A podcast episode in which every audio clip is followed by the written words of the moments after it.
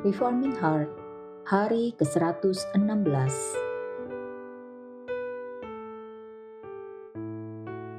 Renungan ini diambil dari website pemuda.stemi.id. Tema renungan hari ini adalah Tanda-tanda mujizat Elisa. Mari kita membaca Alkitab dari dua Raja-Raja 4 ayat pertama sampai ke-17. Demikian bunyi firman Tuhan. Minyak seorang janda. Salah seorang dari istri-istri para nabi mengadukan halnya kepada Elisa sambil berseru, Hambamu, suamiku, sudah mati dan engkau ini tahu bahwa hambamu itu takut akan Tuhan. Tetapi sekarang penagih hutang sudah datang untuk mengambil kedua orang anakku menjadi budaknya. Jawab Elisa kepadanya, Apakah yang dapat kuperbuat bagimu? Beritahukanlah kepadaku apa-apa yang kau punya di rumah. Berkatalah perempuan itu, Hambamu ini tidak punya sesuatu apa pun di rumah, kecuali sebuah buli-buli berisi minyak. Lalu berkatalah Elisa, Pergilah, mintalah bejana-bejana dari luar, daripada segala tetanggamu, bejana-bejana kosong, tetapi jangan terlalu sedikit. Kemudian masuklah, tutuplah pintu sesudah engkau dan anak-anakmu masuk, lalu tuanglah minyak itu ke dalam segala bejana. Mana yang penuh, angkatlah. Pergilah perempuan itu daripadanya, Ditutupnyalah pintu sesudah ia dan anak-anaknya masuk, dan anak-anaknya mendekatkan bejana-bejana kepadanya, sedang ia terus menuang.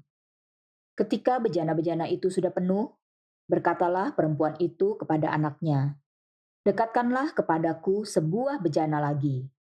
Tetapi jawabnya kepada ibunya, "Tidak ada lagi bejana." Lalu berhentilah minyak itu mengalir. Kemudian pergilah perempuan itu memberitahukannya kepada abdi Allah, dan orang ini berkata, "Pergilah, juallah minyak itu, bayarlah hutangmu, dan hiduplah dari lebihnya, engkau serta anak-anakmu." Pada suatu hari, Elisa pergi ke Sunem.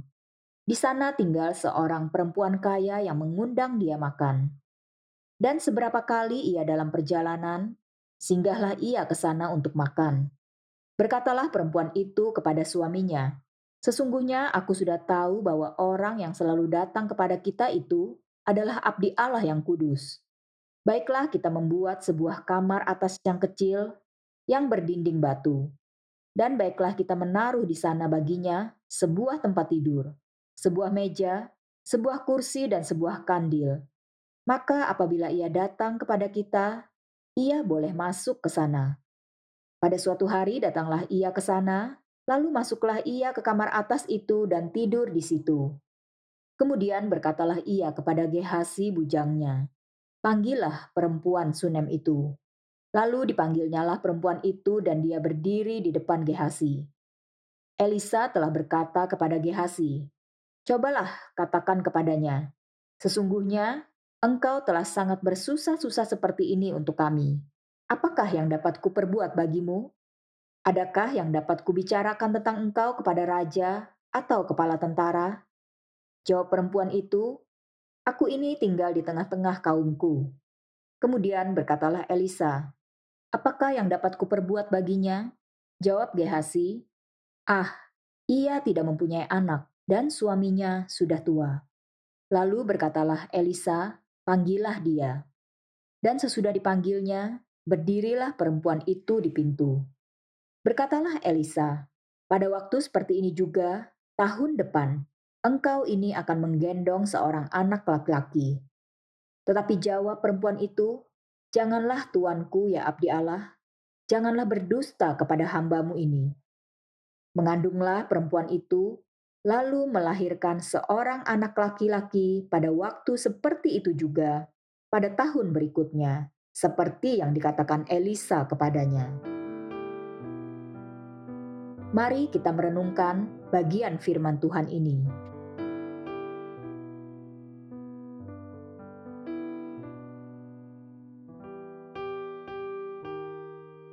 Pada bagian ini kita akan melihat dua mujizat yang dilakukan oleh Elisa.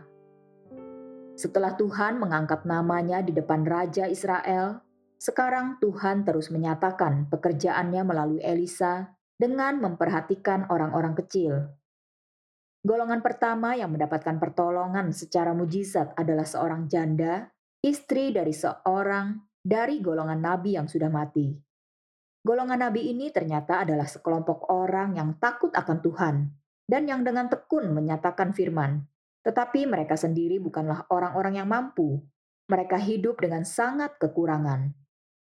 Janda ini terlilit hutang yang ditinggalkan oleh suaminya, dan sekarang penagih hutang akan datang untuk mengambil anak-anaknya serta menjadikan mereka budak untuk membayar hutang suaminya.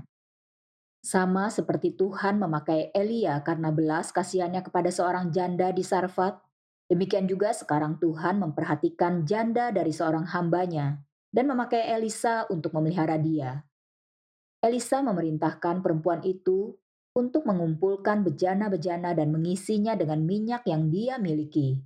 Ternyata bejana-bejana itu bisa terisi penuh dari minyak yang dimilikinya di rumah. Sebuah buli-buli yang kecil tidak mungkin bisa memenuhi satu bejana hingga penuh. Tetapi yang terjadi di sini adalah satu buli-buli minyak dapat memenuhi banyak bejana yang dipinjamnya dari tetangganya. Tuhan ternyata bekerja menyatakan belas kasihannya melalui Elisa, sama seperti dia menyatakannya melalui Elia. Tetapi yang bahkan lebih menakjubkan adalah bahwa melalui Elisa ini tangan Tuhan menyatakan hal-hal yang bahkan lebih besar dari Elia. Elia menolong seorang janda di Sarfat dengan seorang anak, sedangkan Elisa menolong seorang janda dengan dua orang anak. Tuhan memanggil Elia pulang, tetapi meneruskan pekerjaannya di Israel melalui Elisa. Di dalam kitab suci, tanda-tanda mujizat diberikan dengan tujuan untuk membuat orang-orang yang berkeras hati dapat menjadi percaya. Tetapi terkadang tujuan diberikan mujizat justru adalah untuk orang-orang sederhana supaya mereka mendapatkan belas kasihan Tuhan. Tuhan tidak harus terus-menerus memberikan mujizat, apalagi memberikannya sebagai permintaan, karena permintaan orang. Tidak ada yang bisa memaksa dia untuk memberikan mujizat jika dia tidak mau tetapi juga tidak ada yang bisa mencegah dia untuk menyatakan mujizatnya. Elisa memelihara hidup seorang janda miskin dengan dua orang anak, memakai mujizat minyak yang terus keluar, sehingga janda itu dapat menjual minyak itu untuk membayar hutangnya. Jika pada bagian sebelumnya Tuhan mengangkat Elisa untuk dikenal para raja, maka sekarang Tuhan menjadikan Elisa saluran belas kasihannya bagi orang-orang miskin. Bagian selanjutnya mengisahkan tentang seorang perempuan Sunem yang kaya. Dia sering memberikan tumpangan kepada Elisa, bahkan membuatkan Elisa sebuah kamar untuk ditinggali. Sehingga Elisa merasa perlu membalas kebaikan perempuan ini. Elisa menanyakan apakah ada hal yang perlu dibicarakan dengan raja tentang hak-hak perempuan ini. Perempuan ini menjawab bahwa dia tidak memerlukan apa pun karena dia telah hidup di tengah-tengah kaumnya sendiri. Dia tidak minta apa-apa kepada Elisa, kecuali bahwa dia masih belum mempunyai seorang anak, padahal suaminya sudah tua. Dengan kuasa Tuhan, Elisa memberikan nubuat bahwa tahun depan perempuan itu akan menggendong seorang anak laki-laki. Siapakah Elisa? Mengapa dia mampu menubuatkan hal-hal seperti ini dengan tepat?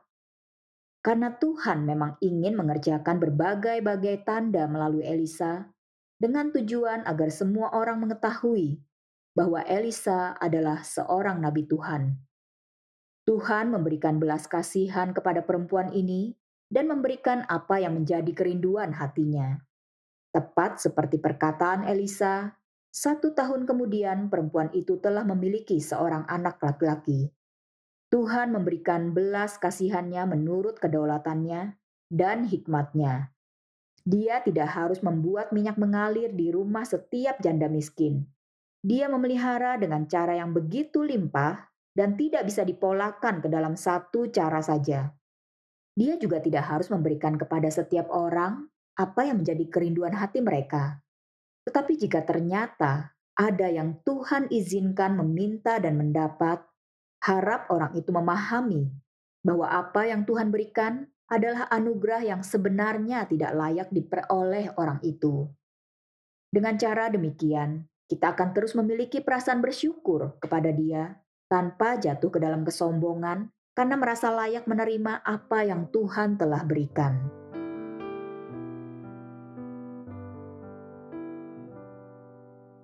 Berikut adalah hal-hal yang dapat kita pelajari. Kitab Raja-Raja meskipun memberikan fokus utama kepada kehidupan Raja-Raja Israel dan Yehuda, tetap memberikan porsi pembahasan untuk pergumulan orang-orang biasa. Rakyat tidak memiliki kekuatan politik dan hidup dengan bergantung kepada apa yang para pemimpin mereka lakukan dan putuskan. Kitab ini membahas perhatian Tuhan kepada rakyat biasa. Dan Elisa adalah nabi yang dipakai untuk hal ini. Dia memerhatikan orang-orang biasa dan sederhana karena Tuhan mau menyatakan anugerahnya bagi mereka. Kitab Samuel tidak pernah memberikan porsi sebesar kitab raja-raja untuk membahas apa yang terjadi di bawah, yaitu di antara rakyat biasa yang hidup di tengah-tengah Israel. Apakah yang Tuhan mau nyatakan? Yang Tuhan mau nyatakan adalah belas kasihannya untuk orang-orang kecil tidak akan tertahan meskipun para pemimpin mereka menolak dia.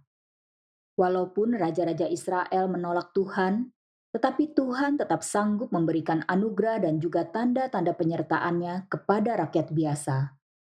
Inilah saat di mana Tuhan memerhatikan kaum sisa, yaitu tujuh ribu orang yang tidak pernah menyembah Baal. Orang-orang yang tetap setia, tetapi tidak diperhatikan karena mereka bukanlah orang yang berpengaruh secara kekuatan politik. Mereka ini tetap mendapatkan perhatian Tuhan. Mari kita mengingat dua hal berikut sebagai refleksi pribadi kita untuk hari ini. Yang pertama, jika Tuhan sendiri berbelas kasihan kepada mereka yang kecil, bagaimana dengan hidup kita? Tuhan sedang menyatakan firman-Nya kepada para raja. Bahkan Tuhan sedang memakai Elisa untuk memberikan peringatan kepada Raja Israel. Tetapi dia tidak lupa untuk melihat kepada orang-orang Israel yang ada di bawah para raja ini. Kita terkadang melihat hal-hal besar untuk dikerjakan bagi kemuliaan Tuhan, dan ini tidak salah. Tetapi yang menjadi salah adalah kalau kita mengerjakan itu dengan mengabaikan orang-orang yang sering kali dianggap kurang penting dalam pengaruh. Jika kita mempunyai kemampuan untuk berbicara di depan para raja, masihkah kita bersedia untuk berbicara di depan rakyat biasa atau bahkan orang-orang miskin? Elisa mengerjakan mujizat bagi tiga raja dari tiga kerajaan, yaitu Israel, Yehuda, dan Edom. Tetapi Tuhan juga memakai dia untuk mengerjakan mujizat kepada seorang perempuan biasa yang walaupun kaya tetap bukanlah orang berpengaruh. Tuhan juga memakai dia untuk menolong seorang janda miskin.